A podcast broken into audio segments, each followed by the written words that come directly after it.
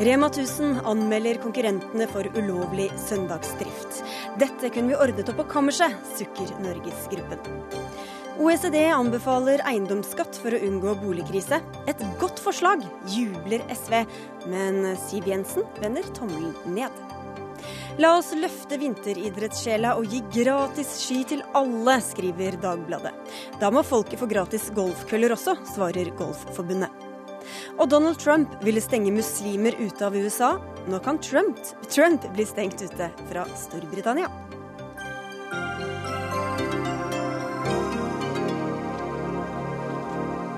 God ettermiddag, dette er Dagsnytt 18 med Sigrid Solund i studio, hvor vi også får besøk av den nye klimaministeren, som allerede er ute i hardt vær. I dag anmeldte Rema 1000 eh, både Norgesgruppen, Coop og Bunnpris til politiet for å holde ulovlig åpent på søndager. Ifølge loven kan bare butikker under 100 kvm ha åpent på søndager, men Rema 1000 mener konkurrentene jukser ved bl.a. å hente varer til kundene fra avstengte områder i den vanlige butikken. Like fullt, eh, Ole Robert Reitan, du er administrerende direktør i Rema 1000, så er det et ganske drastisk eh, skritt å ta å anmelde konkurrentene dine. Hvorfor gjorde du det? Jeg mener jo at en lov er en lov. så Jeg syns vi skal ha A-lover og B-lover. Har vi en lov som er vedtatt av Stortinget, så skal den følges. Og i dagligvarebransjen i Norge så er vi bare tre aktører. Der det er noen som velger å følge eh, loven eh, om hvordan man skal ha lukket og åpent i butikken, og andre velger å systematisk bryte den loven. Eh, og vi har sett på det i årevis. Eh, det har ikke vært håndheva av politiet. Det har ikke vært noe debatt og noen diskusjon mellom politikere. Vi har prøvd å si fra til konkurrentene tidligere. Det har skjedd ingenting. Vi har til og med anmeldt enkeltbutikker for brudd før, uten at politiet har reagert, og uten at noen andre har reagert. Så vi tenkte, skal vi nå få en ordentlig god debatt om praktiseringa av lukkeloven, så må vi gjøre et eller annet drastisk som uh, vises. Og det har vi gjort i dag. Ja, og Hva er det du mener de gjør som er lovstridig? For det første så er det veldig mange butikker som rett og slett fysisk er altfor stor i forhold til loven. Altså, jeg har brukt et eksempel i dag med en Joker-butikk på Torshov som er over 200 kvadratmeter stor, og som holder åpent hele butikken eh, hver søndag. I tillegg så, Og det gjelder mange. I tillegg så er det jo butikker som i utgangspunktet er både 8, 9 Eh, og 900 kvadratmeter som man deler av til søndagen. Og så er den delinga gjort på veldig mange forskjellige kreative måter, som gjør at det i utgangspunktet ikke er noe reell avstengning. Kundene kan fritt bevege seg inn og ut.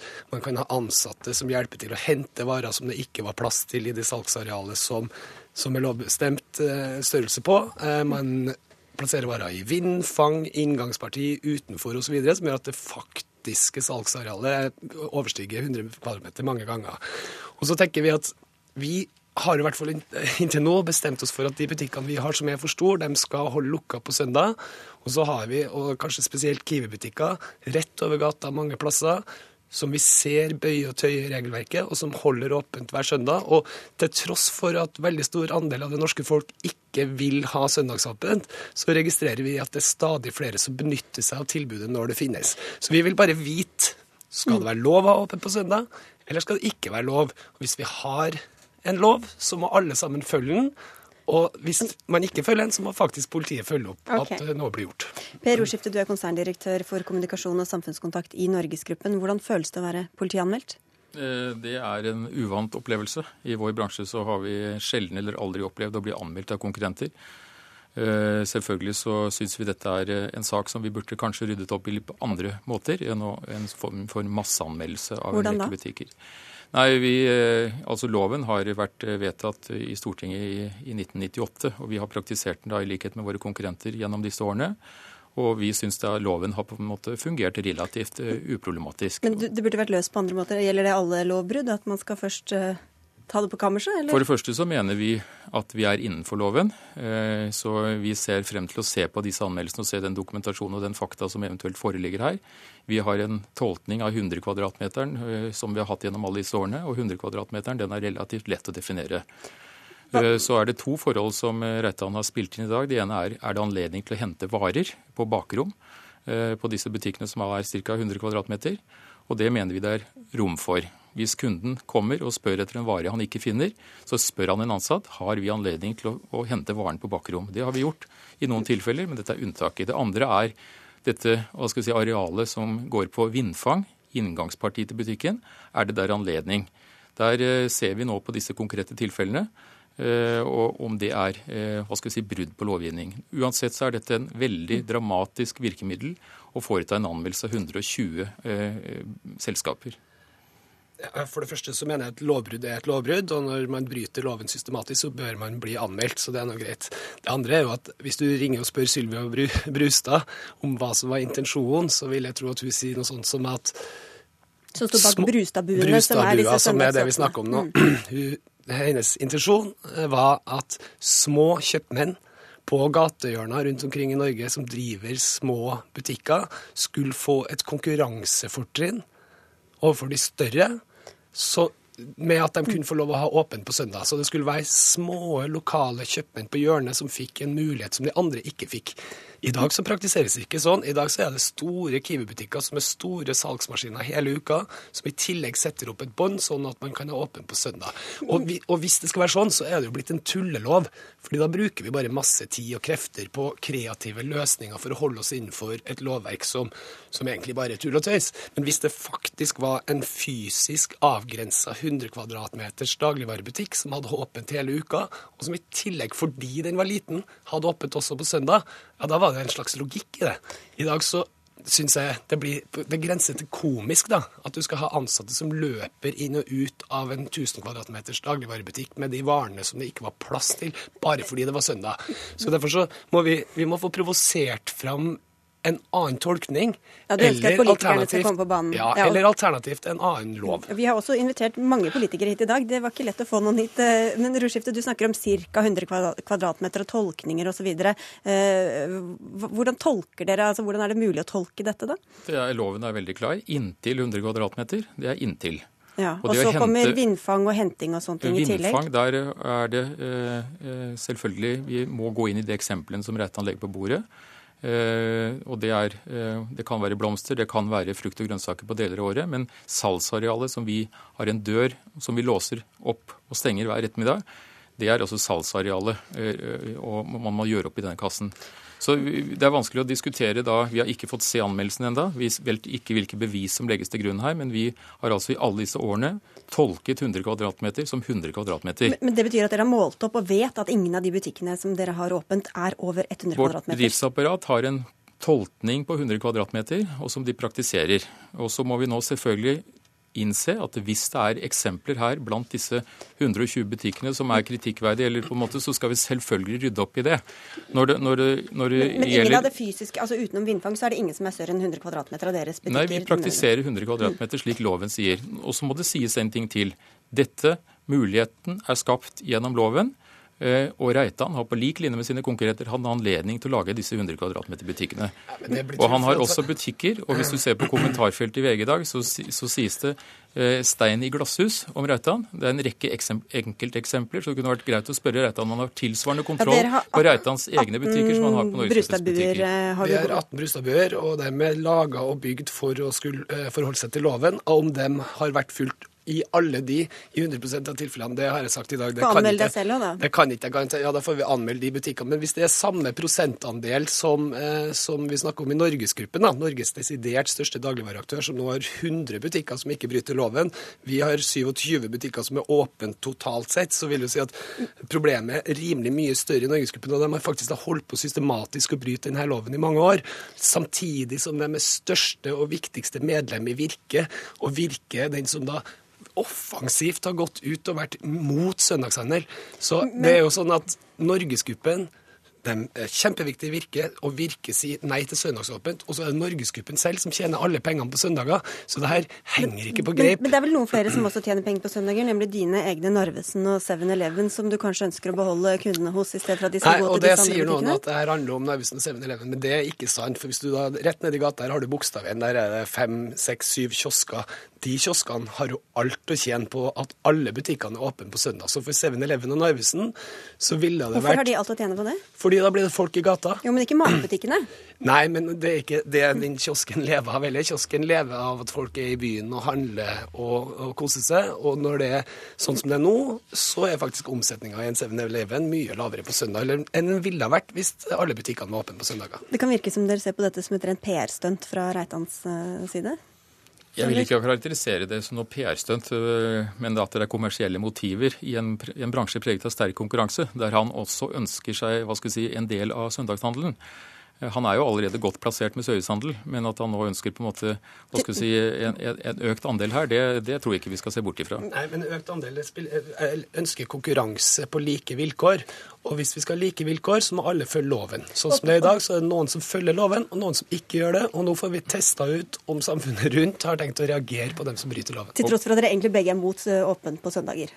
Vi er skeptiske til konsekvenser av en frislipp. og dette Nå dreier det seg om 350 butikker. Eh, ikke sant? Og vi har 4000 butikker i bransjen. Så hvis vi har en total frislipp eh, på søndager, så blir det en helt annet samfunn, en helt annen handel. Og jeg, bare, eh, jeg bor midt i byen, så jeg kan gjerne ha en dag i uka som er litt roligere enn resten. Men da må det gjelde for alle.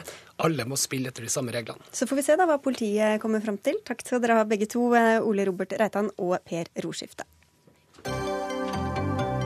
Dagsnytt 18 alle hverdager klokka 18. På NRK P2 og NRK2.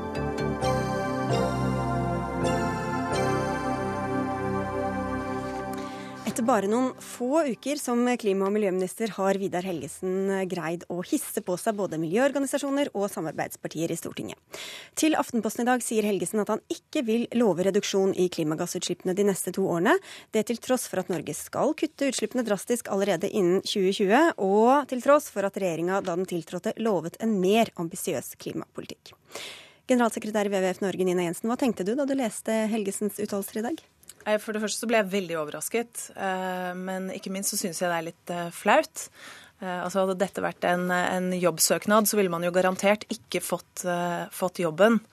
Eh, og det er klart, eh, det har noe å si eh, hvordan en klima- og miljøminister uttaler seg om viktige problemstillinger.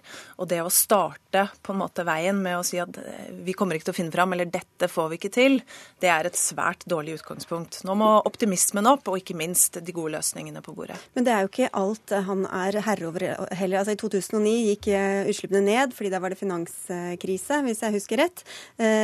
Og mye av strukturene er tunge, store infrastrukturer osv. som henger igjen. Mm. Ja, og det kan vi være helt enig i. Altså, eh, her kom man ikke til et eh, dekket bord, og jeg vil ikke si at, eh, at det å være klimaminister nå er som å hoppe etter Wirkola, men man må jo i hvert fall forsøke å våge seg ut på hoppkanten.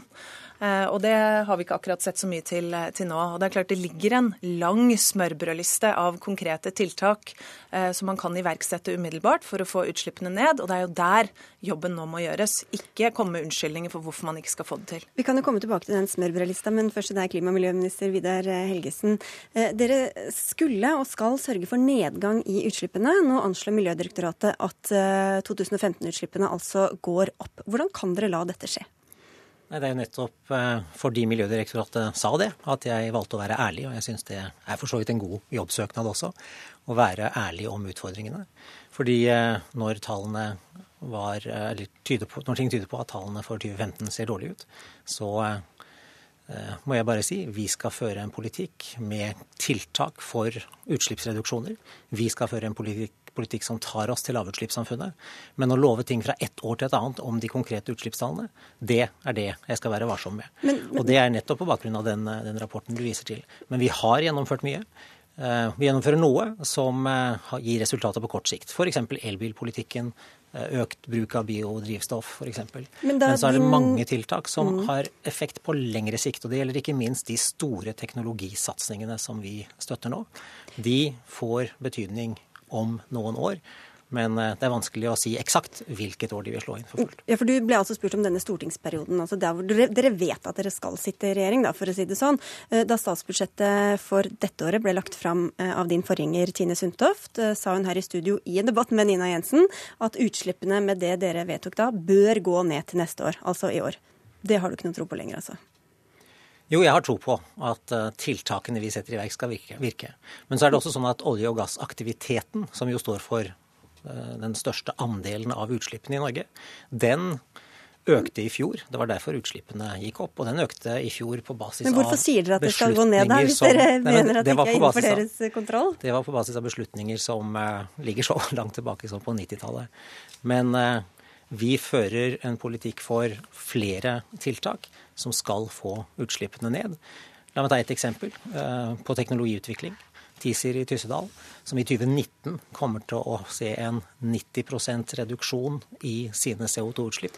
Det er massivt. Eh, hvis alt går som eh, det skal.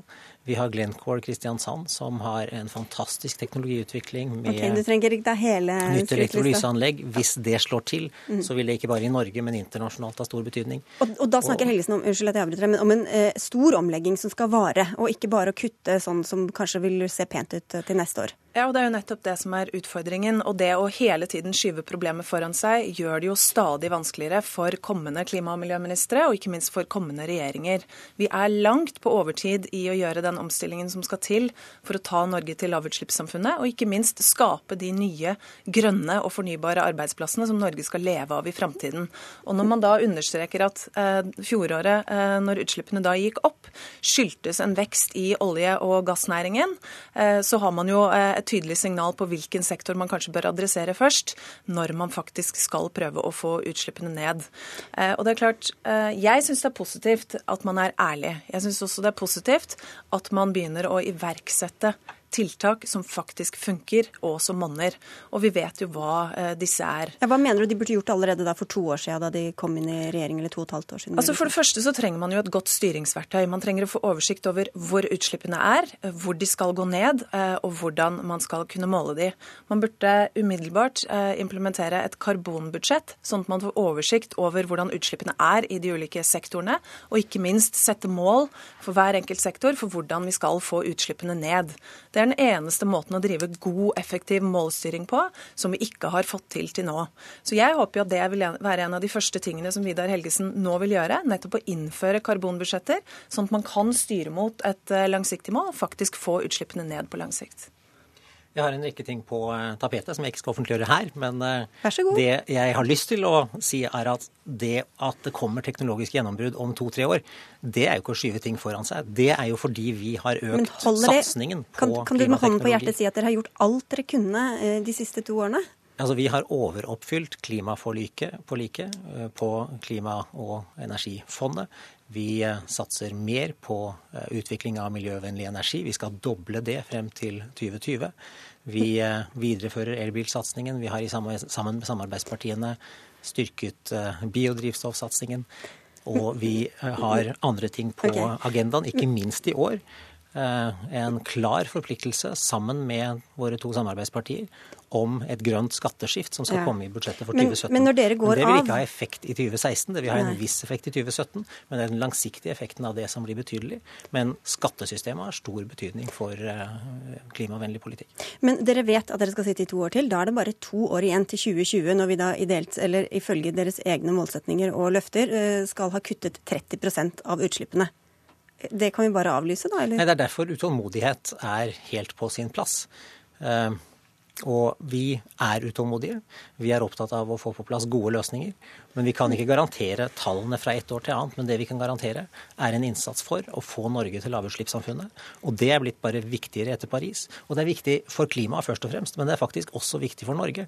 For den veien verden nå går etter Paris, det er mot eh, det grønne skiftet. Og det betyr at Norge må bli en vinner i det skiftet. Vi må bygge grønn konkurransekraft for fremtiden.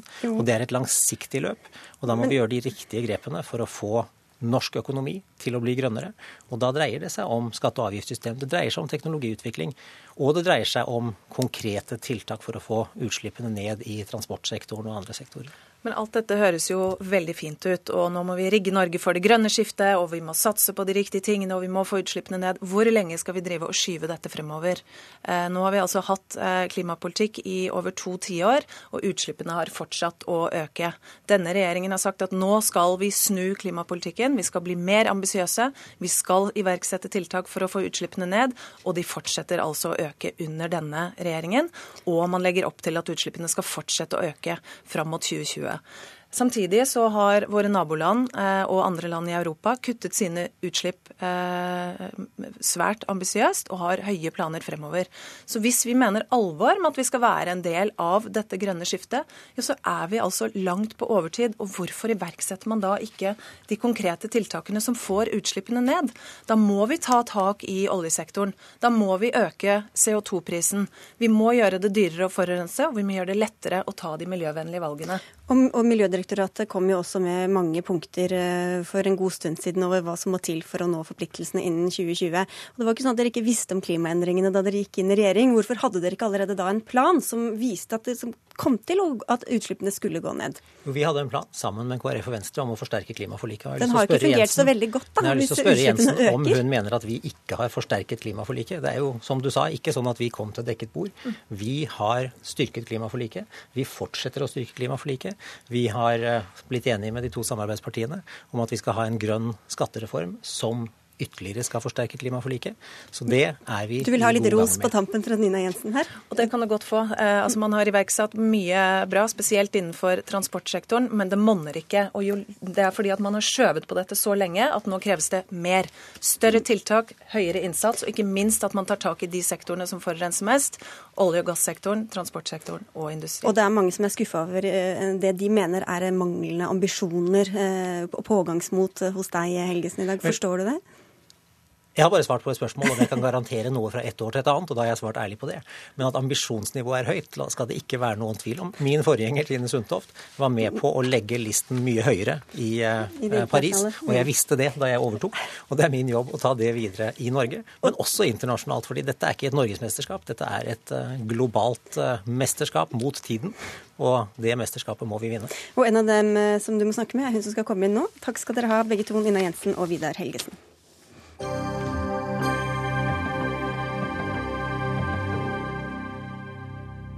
Når OECD snakker, pleier Fremskrittspartiet og Høyre å nikke bifallende. Så også i dag, eh, da Organisasjonen for økonomisk samarbeid og utvikling, OECD, la fram rapporten sin om norsk økonomi i Oslo.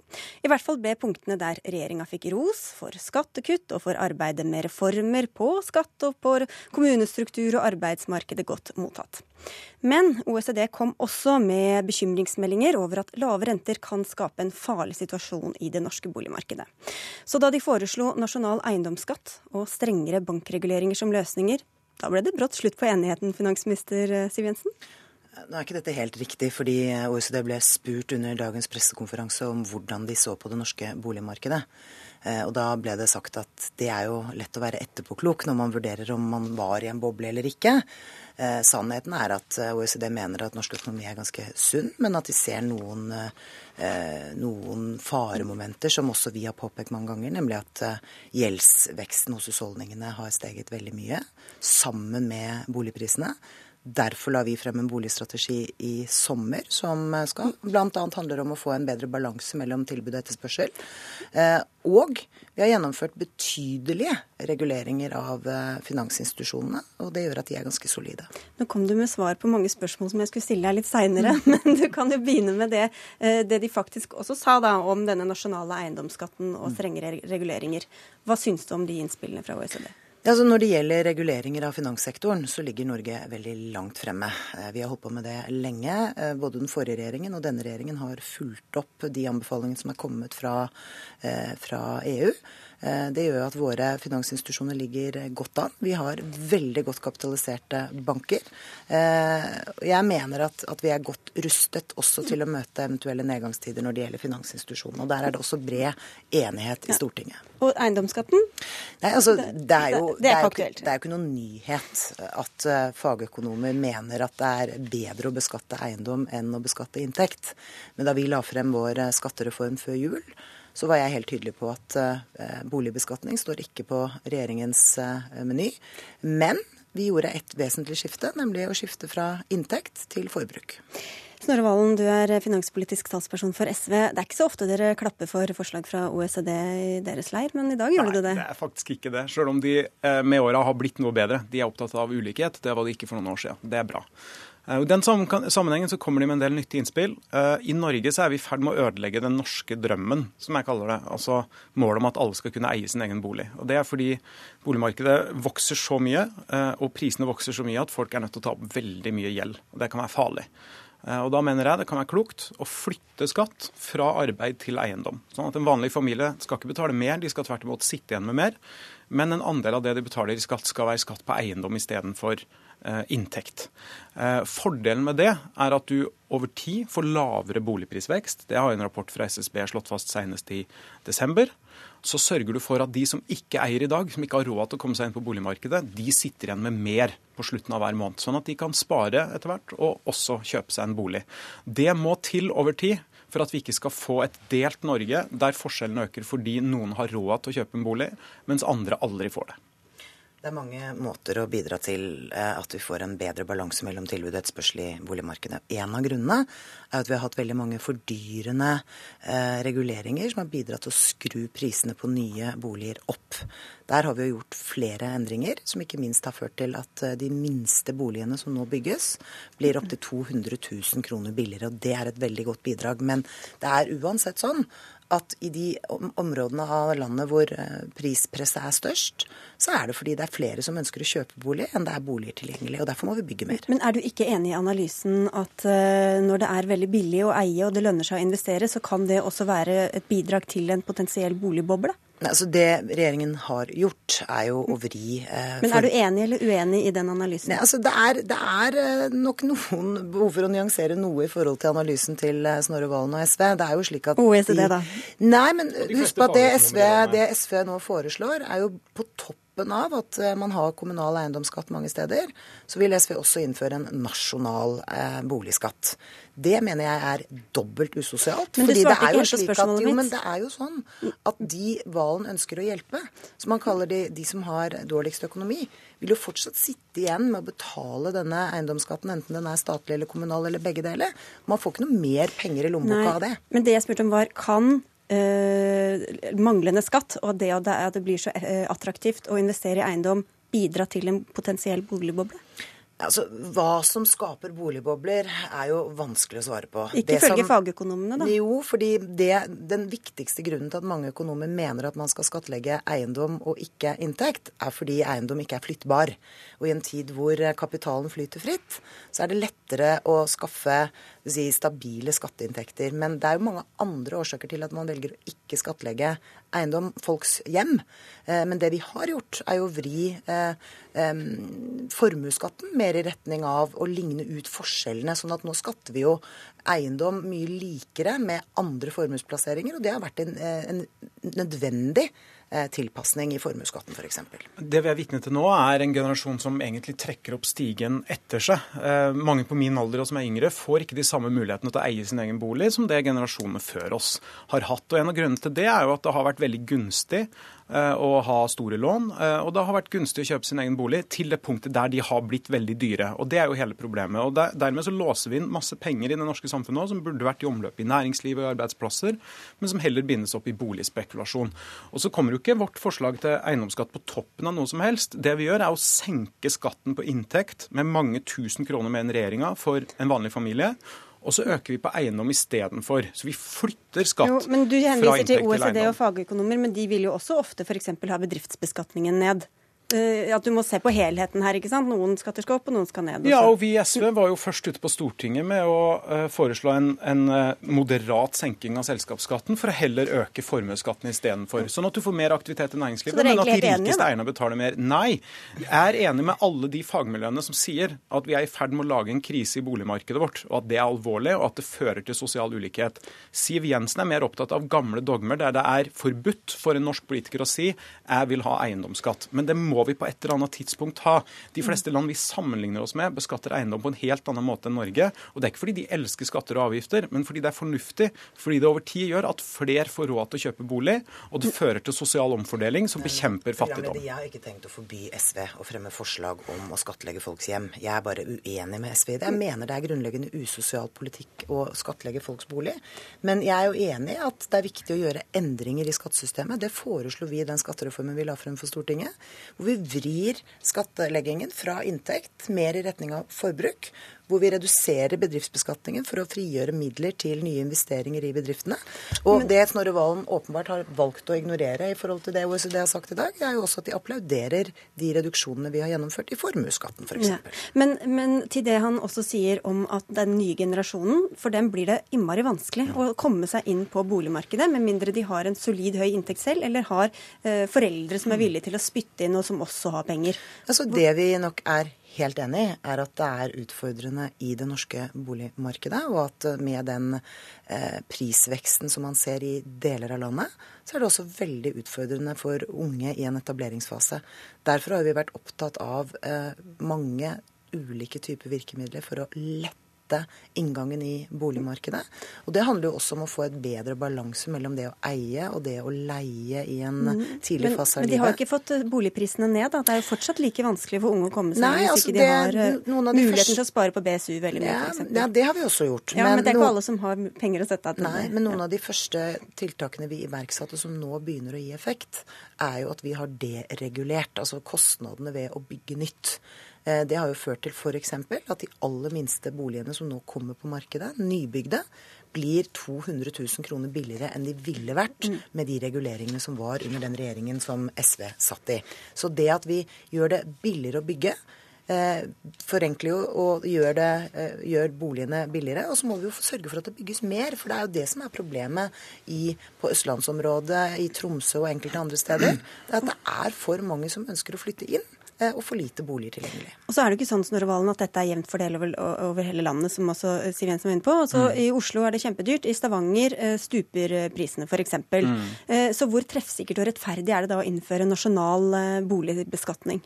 Når prisene synker, så synker også skatten du betaler. For det er verdien på boligen som utgjør det du skal betale i eiendomsskatt. Det vi har foreslått, er en eiendomsskatt som på en bolig som er verdt 3 millioner kroner, utgjør 2000 kroner i året. Og en gjennomsnittlig gjennomsnittlig lønnsmottaker får større skattekutt på inntekt enn det i vårt opplegg. Ja, hvor mye helt, effekt vil det ha da? Det er helt åpenbart sosialt. Jo, det kommer til å ha effekt fordi mer av skattlegginga skjer på et eh, eiendomsobjekt i dag som staten betaler deg for å ta opp lån i. Vi har en rentefradragsordning som er veldig gunstig, spesielt for de aller rikeste i landet. Eh, vi har ikke noe skattlegging av boliger, vi har et deregulert boligmarked. og Det betyr jo at spekulanter kjøper opp masse boliger, setter opp pappvegger, hyblifiserer de og leier ut til mennesker mennesker som burde fått muligheten til å kjøpe sjøl. Så du får et stort privat segment som driver opp prisene for alle andre. Og Da er det mye mer fornuftig å skattlegge de mer, sånn at vanlige folks inntekter kan settes noe ned. Det blir i hvert fall ikke enklere for folk bosatt i Oslo f.eks., med SV i posisjon både i, i, i, bystyret i Oslo, i byråd, eh, og eventuelt i en fremtidig regjering. For nå har dere altså er er dere i ferd med å innføre eiendomsskatt i Oslo. Den har vært borte i mange, mange år mens de ikke-sosialistiske partiene styrte. Og på toppen av det så tar dere nå til orde for å innføre nasjonal eiendomsskatt på toppen. Det blir altså ikke bare usosialt, det blir dobbelt usosialt, og jeg er uenig i begge deler. Altså, Forskjellen i gjennomsnittlig levealder for menn mellom Torshov der jeg er fra, og vinneren er mer enn ti år. Det er det som er det usosiale og skandalen her. Ja, men det er delvis fordi det ikke har vært noe sosial politikk i Oslo på mange år, og den eksplosive økninga i boligprisene bidrar til økte sosiale forskjeller. Det er ikke noe bedre at de må betale dobbel boligskatt. Prisene går ned. OK, da sier vi tusen takk til dere begge, finansminister Siv Jensen og SVs Snorre Valen. Takk skal dere ha. Og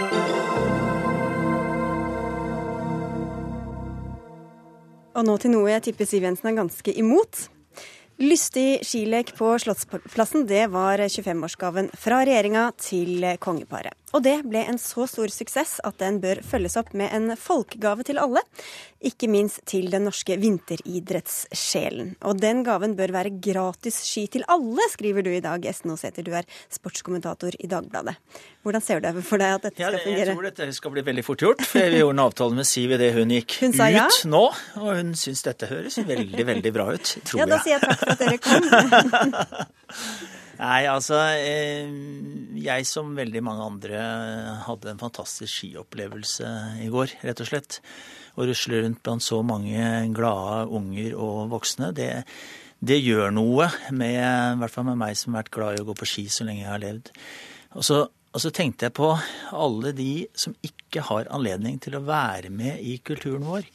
Vi vet jo nå fra, fra idretten at det store, det store, problemet er faktisk det økende klasseskillet i, i, Norge. Det at unger og ungdom ikke har midler, ikke har ressurser til å få til å være med i flokken. Og med så mange nye landsmenn som vi har fått de siste årene, altså da tenker jeg hele innvandringen som egentlig nå er på 800 000, og som kommer fra ikke skikultur, så hadde det vært veldig ålreit hvis vi kunne åpne opp for at de skulle få lov til å være med. Men i går var det gratis skiutleie på Slottsplassen, og det var ikke så mange med innvandrerbakgrunn å se som kom og Nei, det var ikke det. Men, ikke? Og det er, jo, det er jo den store utfordringen. Jeg... Men hvordan vet du da at gratis ski ville hjelpe sånn på generell basis? Ja, det er jeg ganske sikker på. Når du går rundt og prater med, med, lærere Jeg har både barn som er lærere, og jeg kjenner mange lærere. Og de sier at ja, det hadde virkelig hjulpet oss hvis vi hadde hatt noen ski å, å dele ut. Det hadde gjort uh, undervisningssituasjonen lettere. Det hadde gjort da, vinterdagene lettere. Marit Wiig, du er president i Norges Golfforbund. Er det nå dere skal kreve gratis golfkøller og baller til alle?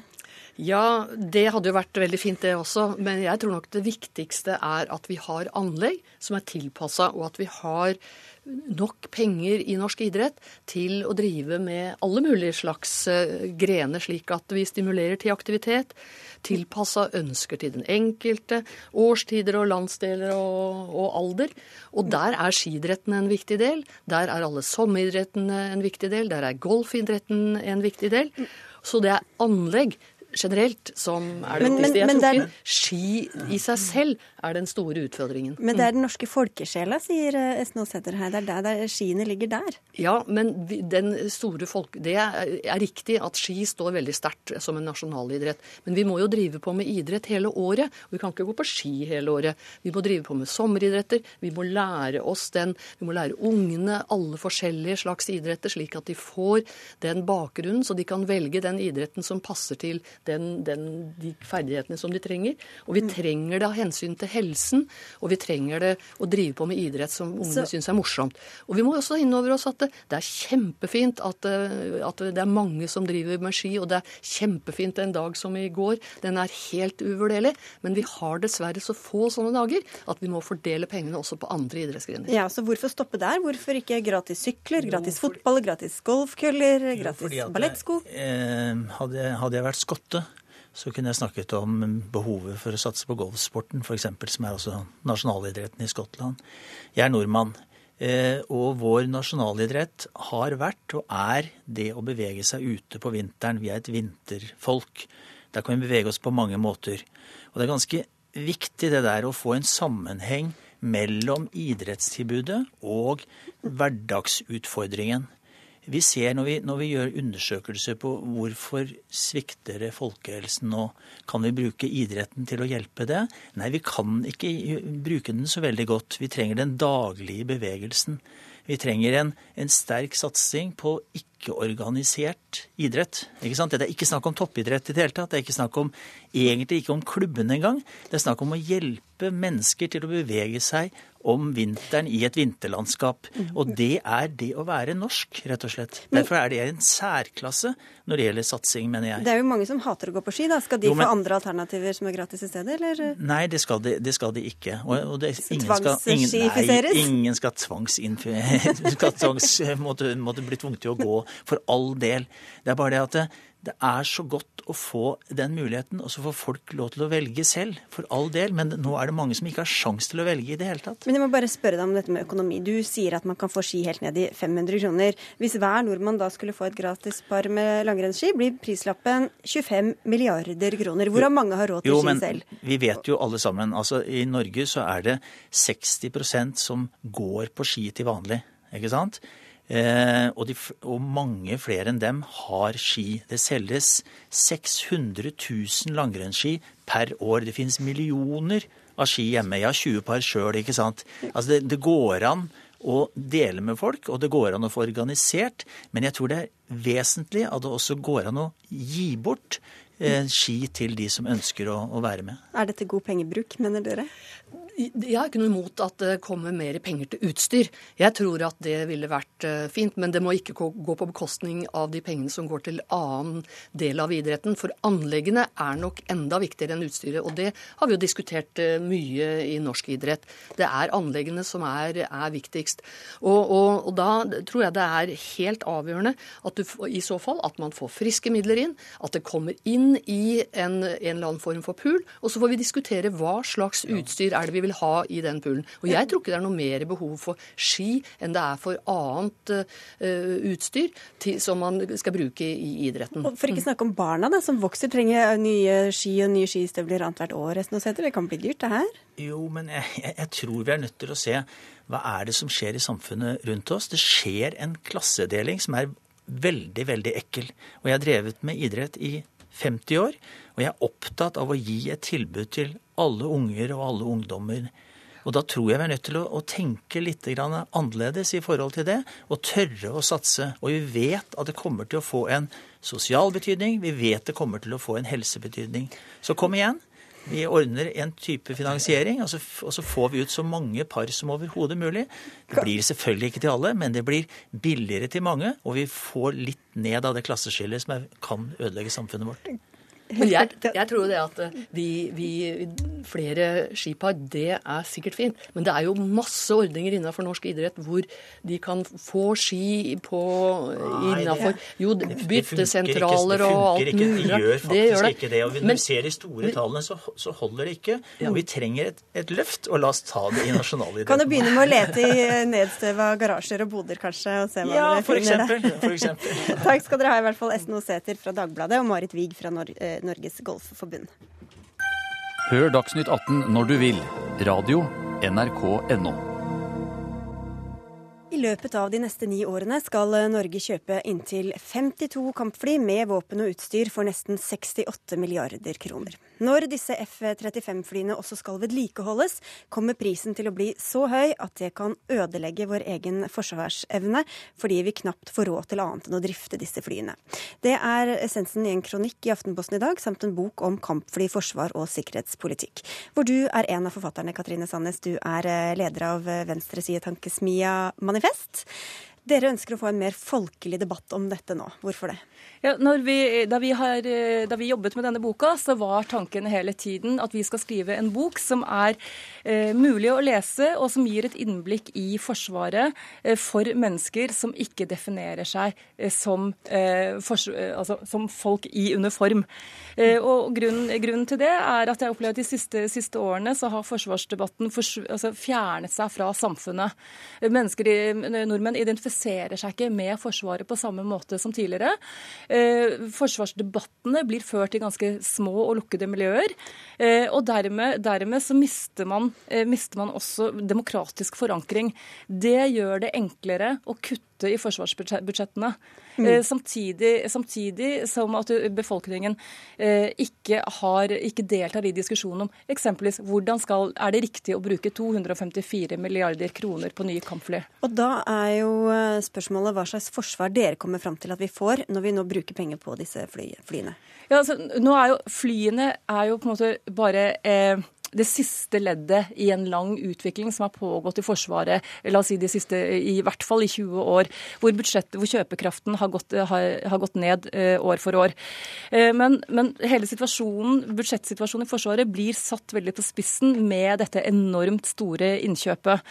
Eh, sånn at, sånn at hvis, hvis, vi nå bruker 254 milliarder over 30 år på å kjøpe kampfly, så vil man Hvorfor, Bare oppklar disse tallene, for jeg sa jo et annet. Det var bare innkjøpstallet jeg ja, det sa. Og så snakker du nå om driften av det også. Mm. Levetidskostnadene.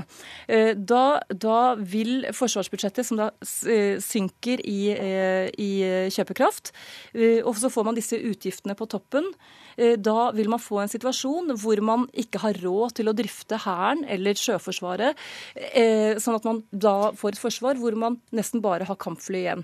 Alternativet, hvis vi da bestemmer oss for at vi skal likevel ha litt sjøforsvar og litt her og litt kampfly. Det blir jo da at vi kjøper 52 kampfly som vi ikke har råd til å drifte, og det er i hvert fall å sløse med pengene. Øystein Bø, du er statssekretær i Forsvarsdepartementet. Er det sånn at disse flykjøpene struper resten av forsvarsevnen vår? Nei, Vi mener at det ikke er riktig. Hvis du ser på hva driften av F-16-flåten koster i dag, så utgjør det ca. 4% av forsvarsbudsjettet. Og driften av eh, F-35 eh, vil utgjøre ca. 5% av forsvarsbudsjettet. Og så bruker da Katrine tallet levetidskostnader. og Husk på, Der ligger det også inkludert oppgraderinger. Det ligger inkludert at man skal kjøpe inn nye fly hvis et av de vi har, ramler ned. Så der, der er langt større tall og langt andre tall enn Men Er ikke det realistiske tall, mener du? Det er tall som er beregnet ut fra hvordan man har beregnet levetidskostnadene, men vi må se på hva vi bruker faktisk til å drive flyflåten vår. Og I dag så bruker vi altså ca. 4% til å drive flyflåten, eh, F-16-flåten, og vi vil bruke ca. 5% i fremtiden. Ja, altså jeg si at det, øh, Når du sier at, at, driftsbudsjettet kommer til å være 5 og i dag er det 4 eh, F-16, der har vi hatt 30 år på oss til å vite og til å kunne klare å beregne hva driftskostnadene er. Dette er et helt nytt fly. Og det å si at vi, at vi vet hva driftskostnadene er, det er det ingen som kan vite. Eh, og det andre, det andre, er at i disse utgiftene som, som, kommer, som kommer i tilknytning til kampflyet, så kommer innkjøpet Ørelandet, Eh, altså kampflybasen, og ikke minst eh, en dollarkurs som, som, kommer til å øke prisen langt utover det vi, og tallet vi opererer med i boka vår. Så det, det å si at eh, 4% og 5% det utgjør ingen forskjell. For det første så kan du ikke vite at det tallet slår til. For det andre så er over 90% av forsvarsbudsjettet bundet opp i faste midler. Det betyr at 500 millioner, 500 eh, millioner kroner, som, som, du da, som er, da er det et ganske optimistisk tall eh, å, å operere med, det, er, det utgjør ganske, en ganske stor andel av de frie midlene i forsvarsbudsjettet. Så jeg vil si at det å liksom snakke ned kostnadene på kampflyene, det er en ganske litt sånn lemfeldig Eh, holdning til skattebetalernes penger. Det er det ene. Eh, men det, det andre er jo også at det er akkurat dette, en, en, sånn ekstrem optimisme i forkant, som har skapt det etterslepet og veldig mye av den situasjonen Forsvaret står i i dag. Da må Bø få svare på det. Ja, altså det, det, etterslepet vi ser i dag, skyldes jo, og det har også forsvarsministeren tatt, eh, sagt offentlig, det skyldes jo at vi politikere ikke har ikke har vist vilje til å finansiere det forsvaret vi trenger. Så vi er i en situasjon i dag hvor hvor vi har et forsvar som ikke har tilfredsstillende evne til å løse de mest krevende oppgavene. Og da blir det å snu det litt på hodet når vi nå kjøper kampfly for å bedre på den evnen, at vi, skal, at vi skal, ikke skal gjøre det. Eh, og så er det jo sånn at når vi sammenligner disse tallene, så må vi sammenligne epler med epler. Vi kan ikke sammenligne epler med pærer eller appelsiner.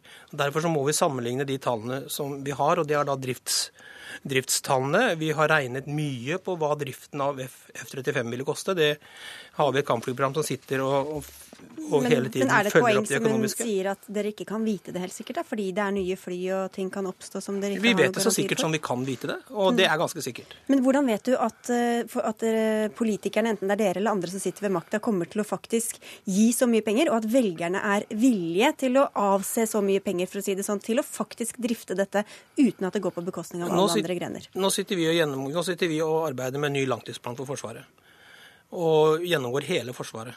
Og et av, et av, et av elementene der er, er, er, kampflyene. Når vi da Vi har jo sagt, både i opposisjon og hele tiden i regjering, at vi må skape balanse mellom Forsvarets oppgaver, de strukturene Forsvaret skal ha, og ressursene. Statsministeren har sagt at vi skal, at vi skal styrke forsvarsbudsjettene. Så vårt, vår ambisjon er jo å få et forsvar som, er, som nettopp har balanse mellom oppgaver, struktur og ressurser. Kommer dere i det langtidsprogrammet til å operere med en innkjøpspris på 67,9 milliarder på kampflyene, eller 90 milliarder? Vi legger et langtidsprogram nå for de neste fire årene. Jeg tror vi må la tallene ligge litt, for det er ikke så lett for folk liksom å kontrollsjekke det. Nei, men po Poenget her er, er at bare, bare, en faktor som dollarkursen ja. gjør at budsjettene, kom, altså budsjettene sprekker. Eh, og hvis, hvis, dagens stortingspolitikere fortsetter å vedta budsjetter som de ikke klarer, klarer å gjennomføre, så reduseres forsvarsevnen ja, ytterligere. Bare for å komme helt kort inn på det på slutten her, for Hva sier de militære kildene deres om hva slags forsvar vi faktisk får? Dersom disse prioriteringene opprettholdes og kampflyene kjøpes inn? Altså, vi har lang rekke kilder som vi har snakket med. Eh, men vi trenger jo ikke gå så langt. Vi kan gå til forsvarssjefens fagmilitære råd.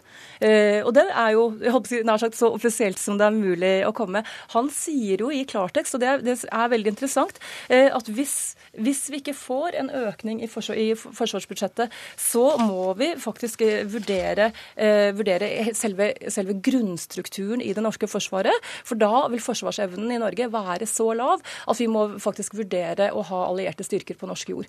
Og da tenker jeg denne debatten og der tror jeg vi er helt enige.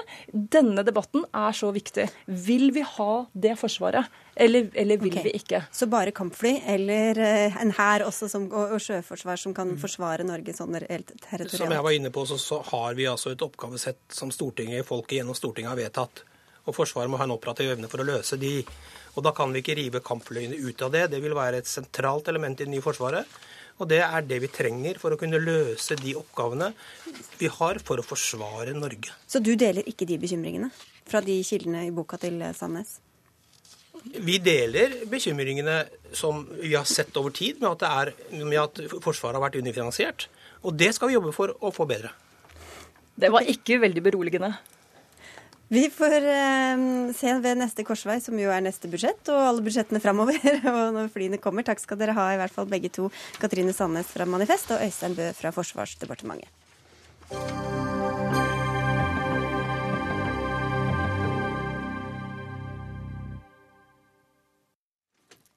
Akkurat nå diskuterer det britiske parlamentet en noe uvanlig sak om det som vel kan sies å være en noe uvanlig mann.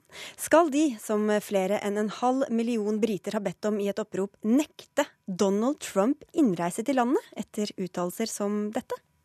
We have places in London and other places that are so radicalized that the police are afraid for their own lives. I tillegg til å si at eh, London var så, eller er, så radikalisert at politiet er redde for sine liv, har det også vakt vrede at Trump har sagt at muslimer bør stenges ute fra USA. Skribent på amerikanskpolitikk.no, Vårin Alme, det er en nokså uvanlig session i gang i London i dag? Det er det, og det er vel så vidt jeg har skjønt første gang man eh, diskuterer én enkeltpersons eh, innreise til Storbritannia. Um, men uh, det kanskje mest interessante tenker jeg, da, er jo hvilken innvirkning dette her får på Trumps valgkamp. For at, uh, altså, Får de i det hele tatt noe nedslagsfelt uh, nasjonalt i den amerikanske valgkampen? Det er jo det store spørsmålet. Ja, Hva tror du da, dersom de får det med seg? Hva, ja, dette... og det er jo det store spørsmålet, da. Om de får det med seg. Uh, for, at, for, å svare på det, så må man jo da tenke på hvem er det som er velgerne til eller velgerskaren til Donald Trump. Og det er jo Eh, litt forenklet sagt. Altså utdannede hvite menn og kvinner, eh, stort sett, som har kjent økonomiske nedgangstider på kroppen, og som særlig skylder på to um, altså kilder for det her. Og det er én makthaver i Washington DC og to innvandrere. Og så har du da Trump, som både er en outsider for Washington, og som har fått liksom merke på seg for å, for å snakke altså for ikke være redd for å være politisk korrekt. Uh, og for å si Eller ukorrekt, i hvert fall. Ja. og for å si, uh, si, sannheten som den er. Og altså, for dem så vil nok ikke de la seg skremme vekk av dette her. For dem vil dette bare være et bevis på at uh, når resten av verden er redd for å si sannheten, så er Trump den som står imot, og som representerer dem. Um, så, og, og, ikke kun vil dette da være et bevis på at uh, god, altså, all PR er god PR for Trump, og all kontrovers uh, viser seg å være positivt for ham. Men i tillegg vil det her gi ham slik jeg ser det, en slags sånn legitimitet. fordi at nå bruker også parlamentet i Storbritannia uh, tid på å debattere ham, som ikke engang da er Altså, Stemmegivningen har ikke engang begynt ennå. Det er jo to uker til første stemmegivning. Sånn at uh, dette her vil jo bare gi ham mer vind i seilene, tror jeg. Og det er kanskje ikke sånn at han driver og ferierer uh, på de britiske øyer? Uh, Nei. Nå har jeg sett at han har ikke, han har ikke, altså, han har ikke uttalt seg ennå, så vidt jeg vet. Og jeg har sjekket Twitter-kontoen hans nå, og han har heller ikke uttalt seg der, så det kan jo hende det kommer. altså Sånn som vi har sett hittil, så har han jo klart å snu enhver motstand til noe som er konstruktivt og produktivt for seg selv. Men hva tror du, er det realistisk i det hele tatt at de kommer til eh, da om to uker å nekte ham eh, innreise? Uh, ja, så vidt jeg har skjønt det nå, så er det jo dette en debatt som ikke er bindende for regjeringen. Um, men uh, så, så, realistisk vil jo jeg si at det ikke er. Uh, særlig skulle han altså, gjøre det bra og bli president. Det er jo helt utenkelig at en en amerikansk president kan nektes innreise i Storbritannia, som har USA som nærmeste alliert. Men selvfølgelig, bare det at de har en debatt som dette her, vil jo vise at uh, Storbritannia prøver å markere motstand mm. og prøve å få innvirkning i altså, valgkampen. Vi kan jo gå til London og til deg, korrespondent Espen Aas. Du har fulgt debatten siden den startet for halvannen time siden. Hva er sagt, og hva har skjedd til nå?